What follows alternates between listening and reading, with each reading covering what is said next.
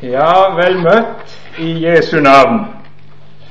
Det var jo fint å se dere, og fint å komme til Nord-Norge, selv om jeg nå gikk og stressa med gjenlegget mitt i går og plukte stein og sådde og tromla, så tenkte jeg at det var dumt gjort å love noe sånt på våren.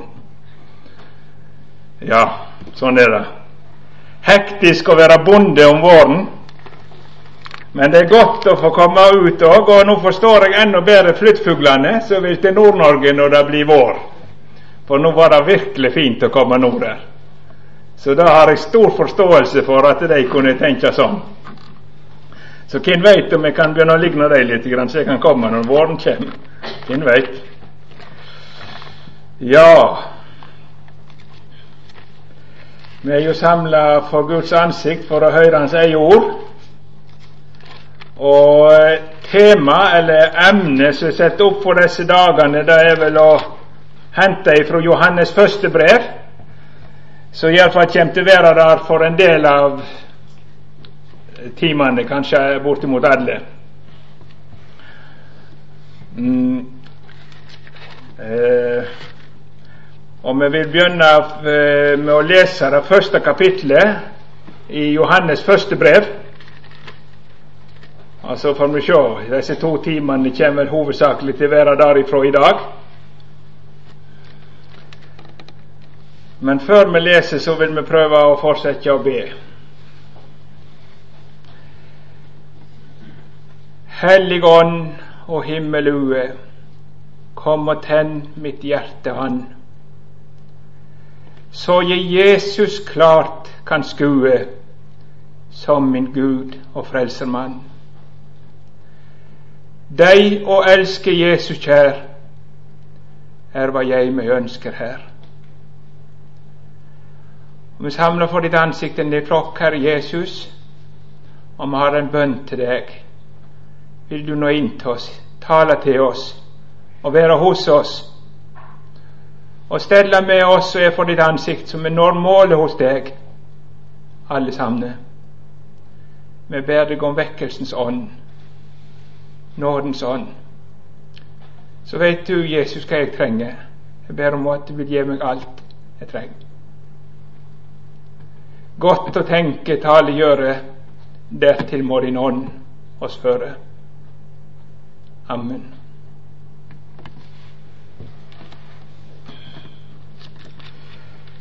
Jeg tror vi skal lese eh, det første kapitlet, det er ti vers da. Johannes første brev.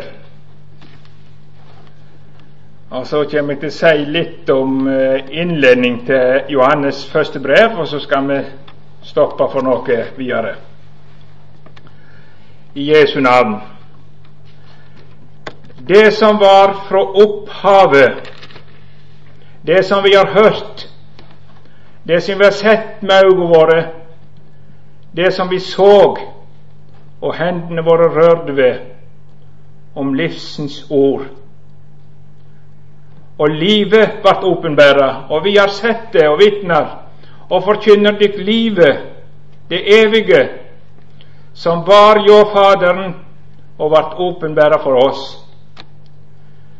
Det som vi har sett og hørt, det forkynner vi dykk, så det òg kan ha samfunn med oss. Og vårt samfunn er med Faderen og med Hans Sønn Jesus Kristus. Og dette skriver vi til dykk så gleda dykkar kan være fullkommen. Og dette er den budskapen vi har hørt av Han og forkynner dykk. Gud er ljos, lys, og det er ikke noe mørker i Han. Dersom vi sier at vi har samfunn med Han, men ferdast i mørket, da lyver vi og gjør ikke sanninga. Men dersom vi ferdes i lyset, liksom Han er i lyset, da har vi samfunn med hverandre. Og Jesu Hans Sønns blod renser oss fra all synd. Dersom vi sier at vi ikke har synd, da dårer vi oss sjøl, og sanninga er ikke i oss. Dersom vi sanner syndene våre, er Han trufast og rettferdig, så Han tilgir oss syndene og renser oss fra all urettferd. Dersom vi sier at vi ikke har synda, da gjør vi Han til løgner, og Hans ord er ikke i oss. Amen.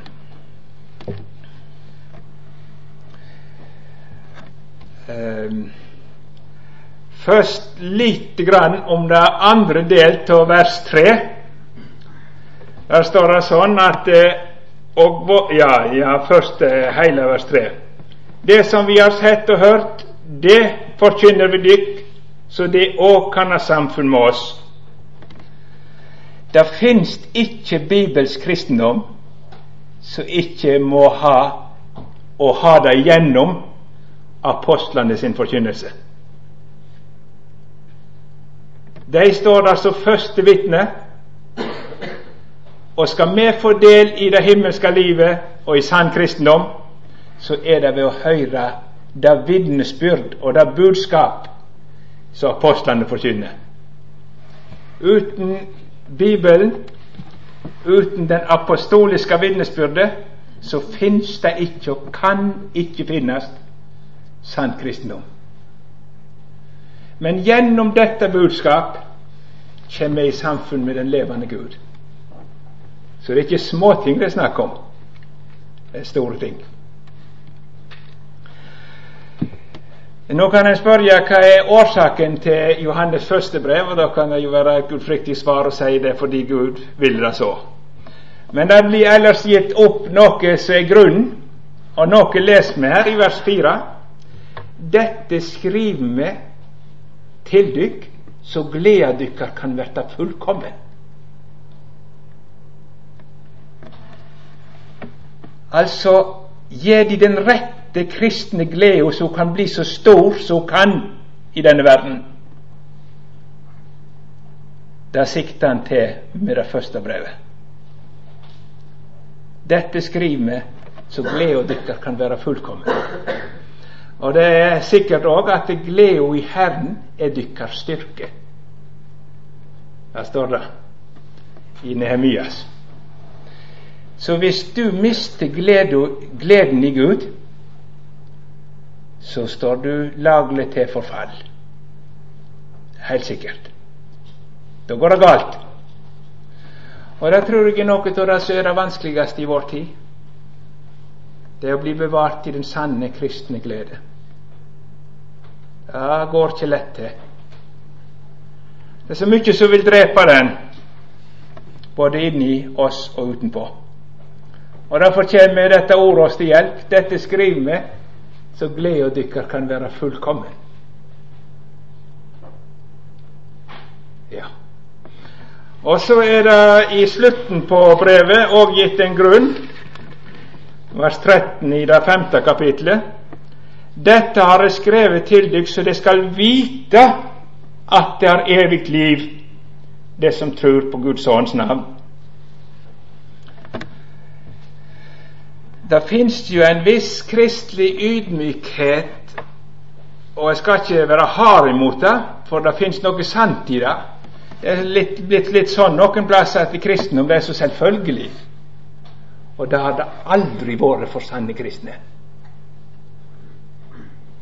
Er jeg et virkelig sant Guds barn i dag, så er det ikke noe selvfølgelig.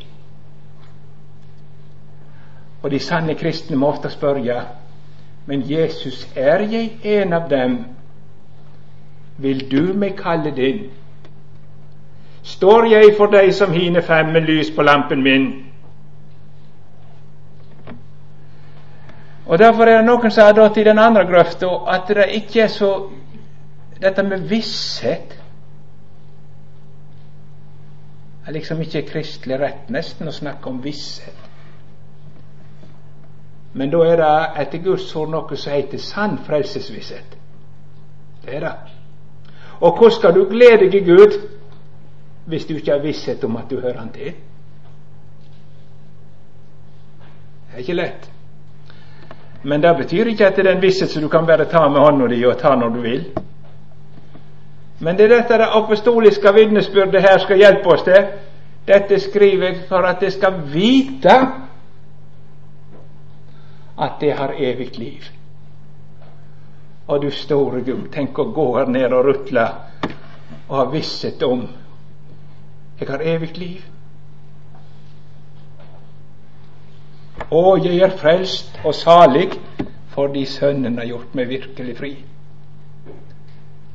Så det er de to positive grunnene at brevet er skrevet som han oppgir. Hjelper de til trosglede og trosvisshet. I tillegg så er det noen negative grunner, eller noen ting som han må motvirke. For det første så ser det ut som det er kommet inn en falsk forkynnelse om Jesus. Og det er farlig. Det fins mye Jesus-forkynnelse som ikke er sann kristendom. Og får du gift inn i maten, altså, da er det dødens vei. Og Nå har visst den forkynnelse vært sånn at eh, i grunnen var ikke Jesus det historiske mennesket som levde og døde her nede. Det var ikke ett og det samme som Kristus. Men Kristus det var den himmelske ånd som kom ved dåpen og var forena med mennesket Jesus og levde sammen. Og så ble det skilt like før han døde. Så det var ikke Kristus som døde, men det var bare mennesket. Eh, forskjellige former av dette funnes. At Jesus blir ikke, ikke, ikke det samme som Gud. Jesus er ikke sann Gud. Nei, Gud er én ting, og så Jesus er noe annet. Der Jesus ikke blir forkynt som Gud, der er det ikke bibelsk kristendom.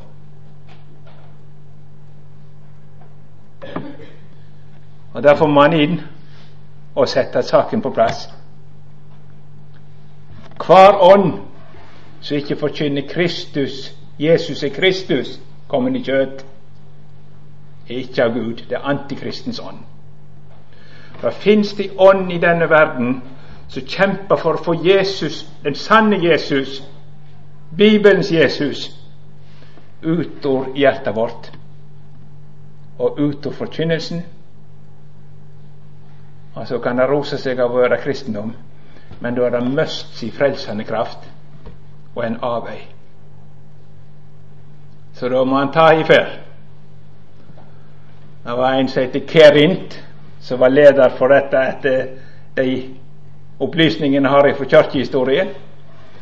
Han var noe yngre enn Johannes, og en gang fortelles det at Johannes var på et bad i Efesus, og så fikk han høre at Kerint var under samme tak. Og da hastet han ut av badet. Han skulle ikke være under samme tak som denne vranglæreren.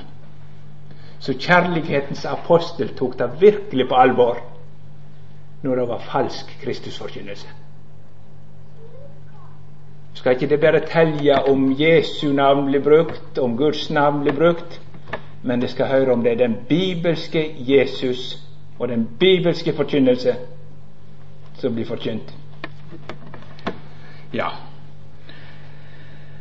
For det andre så er det noe som har begynt å gjøre seg gjeldende, og det er kan du godt kalle det en dødetru. Altså at det, de som trodde at det ikke fikk noe konsekvens i livet. Der det nærmest gikk an å være en kristen og så leve akkurat som før. Ja, da var det noen som lærte og trodde. Og så må han gå sterkt i rette med det og vise at det er den tru som ikke forandrer mennesket, det er ei død tru, ei falsk tru. Og den som har det sånn at han kaller seg en kristen, men han ikke lever i lyset, som vi skal komme inn på, så viser han at det, det er falsk bekjennelse. Er det ikke blitt en forandring i ditt liv, så er det ikke til å rette slaget. Men da må vi ikke lese feil at det var forandringen, og det skal komme tilbake til som kom først, og så kom livet. Nei, kommer du i samfunn med Gud, så blir det forandring. Når du flytter inn i Jesus, så flytter han inn i deg, og så blir det et nytt liv. Det tar han veldig sterkt opp i Johannes første brev. Vel, det var litt innledningsstoff. Ja Jeg vet ikke hvordan det kommer til å se ut dette når jeg er jeg er ikke sånn bibeltimeholder, så jeg forstår ikke hva de tenker på som inviterte meg. Og Hadde det ikke vært en broder som var nokså innstendig med å invitere meg òg, så hadde jeg vel ikke vært her denne gangen. Men jeg skal prøve å si litt. Men nå har det sitt emne, mange av dere, om å vandre i lyset. Og vi har nå våre tanker om hva som ligger i det, og, og sånn. Og da har jeg tenkt Kanskje det er mange her som da tenker ja, nå skal vi endevendes og se på oss sjøl. Og, og, og, om jeg er sann, om jeg er ekte. Og noen av dere har kanskje vært nokså mismodige med den tanken, for du frykter at det står ikke så rart til. Og vandre i lyset, ja, vandrer jeg i lyset? Kan jeg ha tatt håndsopprekning? Det skal jeg selvsagt ikke gjøre, jeg er ikke gal heller. Men hvor mange som vil si om seg sjøl at jeg vandrer virkelig i lyset? Og så kan det bli så trangt. Og så kan det bli en sånn forkynnelse som leder deg inn i deg sjøl, liksom. Da skal du legge merke til at det, det går ikke an å snakke om å vandre i lyset før en går litt nærmere inn på hva lyset er for noe. Og lyset er ikke noe som på en måte, for å stå der rett, som du får til. For kristendom er 100 importert vare utenfra. Nei, det er noe større som har hendt folk. Det folket som vandrer i mørket, skal se et stort lys. Og Derfor begynner han ikke med å, å snakke om oss, men han begynner å snakke om det bobler i av glede. Han har sett noe. Det har skjedd noe. Det har hendt noe på denne jord som er så viktig for oss. Sjølve den evige Guds sønn er blitt menneske til vår frelse. Det kom en som har fått navnet Jesus for å være vår redningsmann.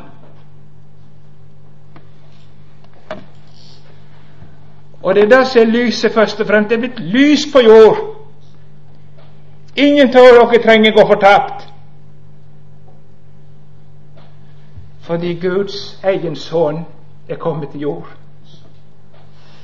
Guds sønn er kommet til oss ned fra høye himmelriket fordi vi ingen råd oss veter opp til ham og stige. Og så var det i glede så tonte utover Betlehemsmarkene. Jeg kommer bud til dere i glede til alt folket. I dag er det født dykk frelser i Davids by. Nå er det ikke alene under synd og djevelskapen, men nå er Guds eige Gud av Gud, skapermesteren, han som sto imellom hva ordene og Gud skapte. Det står at Gud skapte ved ordet, og ordet var en person. Så når Gud handler med menneskene, så har alltid Jesus stått imellom. Og når det gikk galt og mennesket falt i synd, så sender Gud ordet, sin egen sønn, til å bli vår bror.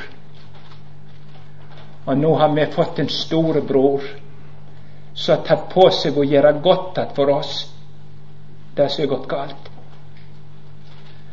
En som har tatt på seg å ordne opp hos Gud. Livet ble åpenbart. Så jubler han. Vi har funnet livet. Vi har funnet det evige livet.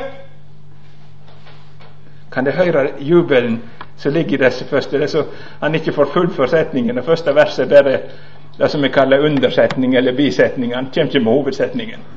Og så kommer det innskudd, og så jubla i han. Og det er ikke noe eventyr. Han har sett det. Han har erfart det. Han har tatt på det. Han er øyenvitne. Hver gang han tok på Jesus, så tok han på sin Gud. Og nå kjenner han Gud. Han møtte han. Og så forkynner han det videre til oss for at vi òg skal ha samfunn med Gud gjennom apostlene sin forkynnelse. Kan du sitte her på stolen som et syndig menneske som ikke veit i armer og og så kan du komme i samfunn med Gud ved å høre. Høyr, så skal deres sjel leve. Så det er lyset først og fremst. da. Vi som ferdast i mørket, så et stort lys. Skjedde noe. Og så tenkte jeg at dette her blir jo litt utenom Johannes første brev på en måte, men det ligger bak og bobler i hans vitnesbyrd. Jeg tok på det, så han. Tenk dere på påskedag. Da sitter de innestengt. Alt var usikkert. Svikta hadde de gjort det. Tvil, mørke.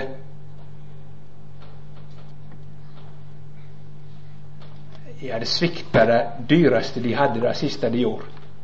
Og nå satt de der med menneskefrykt og framtid og så så mørk ut. Kan være at det er noen som tenker, har det sånn her. Livskampen har gjort det sånn at det er, så, det er mørkt for deg nå.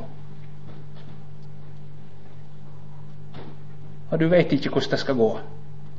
Og du veit ikke igjen om du er en kristen. Og du kjenner på så mye nederlag, og så er du bedrøvet. Og så er du kommet her, og hva du tenker, vet ikke jeg. Der satt de. Så var det kommet bud, men de kunne ikke tro det. Gå til brødrene mine og si de fra meg. At Jesus skulle kalle dem for brødre og Gud for deres far. Men plutselig så står han der sjøl. I kvakk står det i Lukas og trodde det var i ånd de så. Og så retter han fram naglemerkene. Så husker han sier med den fredshelsing fred være med dykk. Og så kommer han med fred. Shalom, det hebraiske ordet, det tegner egentlig paradisets tilstand i forhold til Gud. Der du ikke trenger frykte mer. Der du ikke trenger være redd for Gud. Men alt er i orden. Fred være med dykk. Og så viste han de hendene sine. Og så ser de det er han. Og så ikke bare det, men de ser hva freden koster. Det var ikke enkelt å lage det godt for oss hos Gud, men Jesus gjorde det. Jesus gjorde opp. Og så sitter de der, og så får de høre et ordna gudsforhold. Og så begynte de å fryde seg. Jesus finst, og Jesus har ordna mitt forhold til Gud. Et gledesbudskap. Og det er det budskapet som bringer mennesket i samfunn med Gud. Så du kan stige fram for Han og ha god samvittighet. Jeg har en venn som har ordna opp alle ting. Eh, de som har hørt meg noen ganger, si dessverre, eller heldigvis, noen som har uh, flere her, de har hørt at jeg ofte drar fram den første plassen de finner ordet evangelium brukt. Iallfall sånn er det sagt meg, da. I verslig sammenheng, for det syns jeg illustrerer det så godt. Evangeliet, ja, ja hva er nå det for noe? Jo, da finner de det brukt når to folk lå i krig med hverandre. Så sendte de ut hærene sine, brakte det sammen på ei slette eller noe innenfor plasset. Og så sitter det noen hjemme i landsbyen. Kvinner, barn, gamle. Så visste at det nå strist, er det strid. Og kommer med er det tap på våre folk, så er vi slaver. Selde, ferdige. Er det seier, så er vi berga. Men de har ikke noe de kan gjøre med striden. De er ikke stridsdyktige. Men ute på sletta så går striden vilt. Og så hadde omsider det ene vunnet over den andre, og fiendehæren var knust. Da hadde de utkåra den beste langdistanseløperen de hadde, som stod klar og skulle springe hjem til de som venta i redsel og spenning, med beskjed.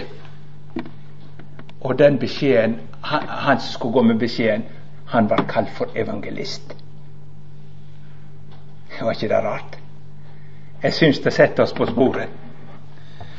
Jo, vi var ille ute. Synden, djevelen, døden tauet oss mot fortapelsen, og der satt vi, vonde i uten mulighet til strid. Så kom Guds sønn, og så får han opp og, og inn i striden. Opp på Golgatas dunkle høyer, mørkhetens fyrste til fekting drog, og så brak han løst. Og det er vår sak det gjelder.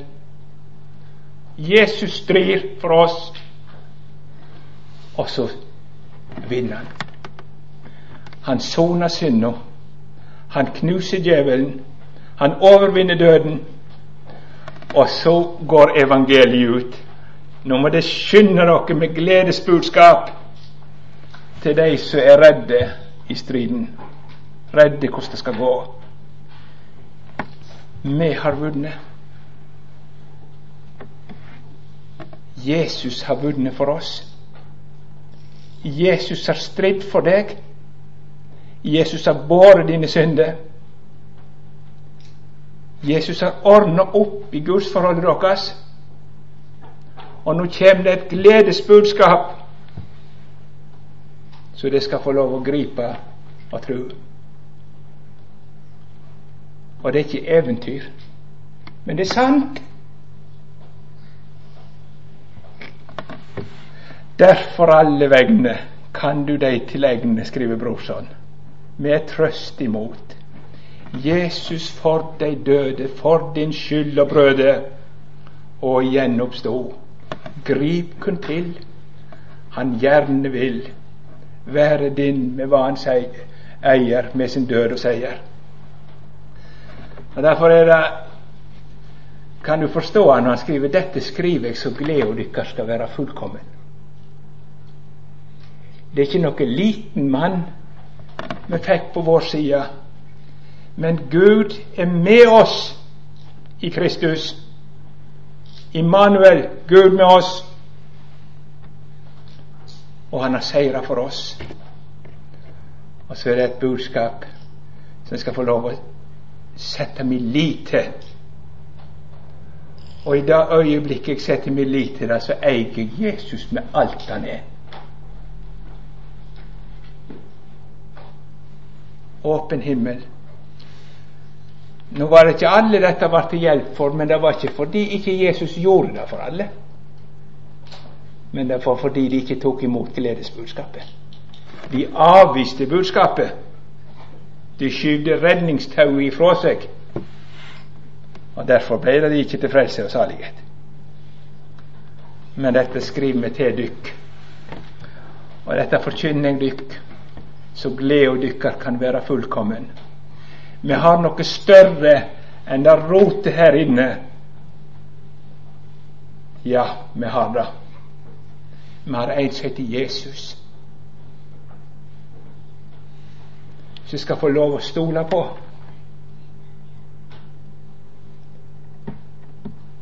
Engstede hjerte, opp av din smerte. Glem ikke aldeles bort hva du har. Frelserens vennskap, nåde og kjennskap, ennå han lever og er som han var. Minnes hans seier. Husk hva du eier. Ikke i deg, men i Frelseren kjær. Ren og rettferdig, himmelen verdig. Ikke i deg, men i Jesus du er. det er lyset. Lyset er kommet til verden. Så kunne alle blitt frelst. Men det blir de ikke, fordi de avviser lyset, skyver gledesbudskapet fra seg og skal greie seg sjøl eller leve uten Jesus. Det er sant. Men lyset kommer, og så skal vi få lov å vandre vårt liv i lyset. I lag med Gud. Jeg og Gud skal få leve sammen. Ha det godt i sammen fordi jeg har en som ordner mitt forhold til Gud og gitt meg en fred, sin fred. Dette hadde jeg lyst til å begynne med, for jeg tenker som så at det kanskje det var lett at det sier skal vi jo inn på og det finnes mye falske veier, og det finnes mye greier som vi kan komme bort ifra dette og miste alt sammen. Men det må likevel ikke ta ifra oss det veldige som har skjedd. Vi er i en så lykkelig tilstand at vi forstår ikke, at vi bare kan høre budskap, dette budskapet om Jesus. Tror englene hadde lyst til å komme på Betlehemsmarkene? Disse hyrdene som nesten ikke var regna for noen ting, for de kunne ikke holde gudstjeneste engang. De måtte være ute med sauene hele tida. Og sikkert syntes de sto aller nest. Skynd dere gleda for alt folket. I dag er det født en frelser. Alle Maria Magdalena nå springer til brødrene med hilsen fra Jesus. Tror du gleder seg? Og Derfor skulle jeg ønske jeg kunne få ha litt av den gleden jeg forkynner, jeg òg. Han lever, og jeg skal få bringe hans venner det salige ord. Tenk jeg som er ringest blant ringe, den minste han kjenner på jord. Tenk jeg skal hans hilsen frembære, og kunne jeg synge det ut. Mer kunne ei engler begjære enn gå med så salig et bud. Ja. ja, det er for den store forskjellen. Den som har Jesus, den som har Sønnen, har livet. Den som ikke har Guds sønn, har ikke livet. Så enkelt er det. Ja Det var i grunnen dette som jeg hadde lyst til å bære fram for dere i denne første timen. Når den andre timen kommer, så skal vi mer inn i det som kommer fra vers 5 og utgjøre. Det skjer jo noe veldig når et menneske tar imot evangeliet. Vær du trygg. Da får han samfunn med Gud. Han kommer sammen med Gud og begynner å leve sammen med den levende Gud. For egentlig er det bare to måter å leve livet på her i denne verden. Det er med eller uten Gud Jeg tenker på en av de som det står veldig lite om i Bibelen, men det som står om de viktigste tingene. Det står om Enok. Han vandra med Gud. Her står det. I 300 Hvor mange år var det? Han var temmelig gamle på den tida. Og så ble han borte fordi Herren tok han til seg. Der har du de viktigste tingene som trenger sies om et menneske. Livet vandra med Gud. Slutten ble borte, for Herren tok de til seg. Om det ikke skal sies noe annet om mitt liv, så skal ønskes det kunne sies i sannhet. Øyvind vandra med Gud, og så ble han borte, for Herren tok han til seg. Og det kommer til å skje med alle de som i sannhet vandrer med Gud. Det slutter ikke da. Det fortsetter i evighet sammen med Gud. Den som lever livet sitt med Gud, han skal òg være sin evighet med Gud. Og den som lever livet sitt uten Gud, skal få oppleve hva det vil si i sannhet å være uten Gud i evighet under Hans vrede. Det begynner her.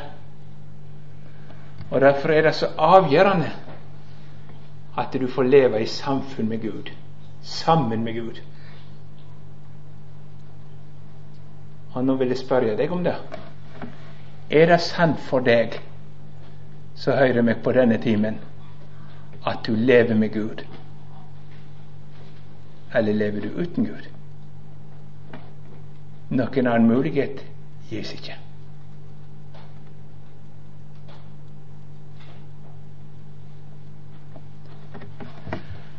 Ja, kjære Herre Jesus, jeg takker deg for at det ord om deg er kommet til mine ører. Takk for at jeg fikk høre om deg. Det er så stort, Herre, at du skatter min sjelefrelse så høyt, at du lei for meg og døde for meg. Og så sender du ordet ditt, så jeg fikk høre om dette veldige du gjorde. Så får jeg lov å bygge mitt liv på deg dag etter dag. Og Jesus, det er min bønn til deg at de må få høre deg til i livet og i evigheten, koste hva det vil. Ta det du vil, og gi det du vil. Bare å være din. Så ber, du, ber jeg for denne stunden vi skal være sammen nå om kveldene. Herre, gå ikke forbi oss. Er det noen som kommer bort ifra deg, eller lever uten ditt samfunn, må du stoppe dem nå, Herre Jesus så de ikke kan fortsette på den veien. Fortapelsens vei, den vonde vei. Så ser du om det er noen som holder på å gli ut. Kanskje det er noen som har sovna. Åndelig søvn. Herregud, la oss få oppleve å være i sjelesorg hos deg. at du kan tenne opp kjærlighetens brann iblant oss, så vi kan ha omsorg for hverandre òg. Veit du den tid vi lever i, Herre? Vi ber deg, Herre, forbarm deg over oss som ikke får spille vår sjel, tape vår sjel. Ber for vårt folk og land. At det er ditt ord, Gud, gi oss i vår grav den ros vi holdt til høytid, Herre. Legger stunden videre på deg i ditt hellige navn. Amen.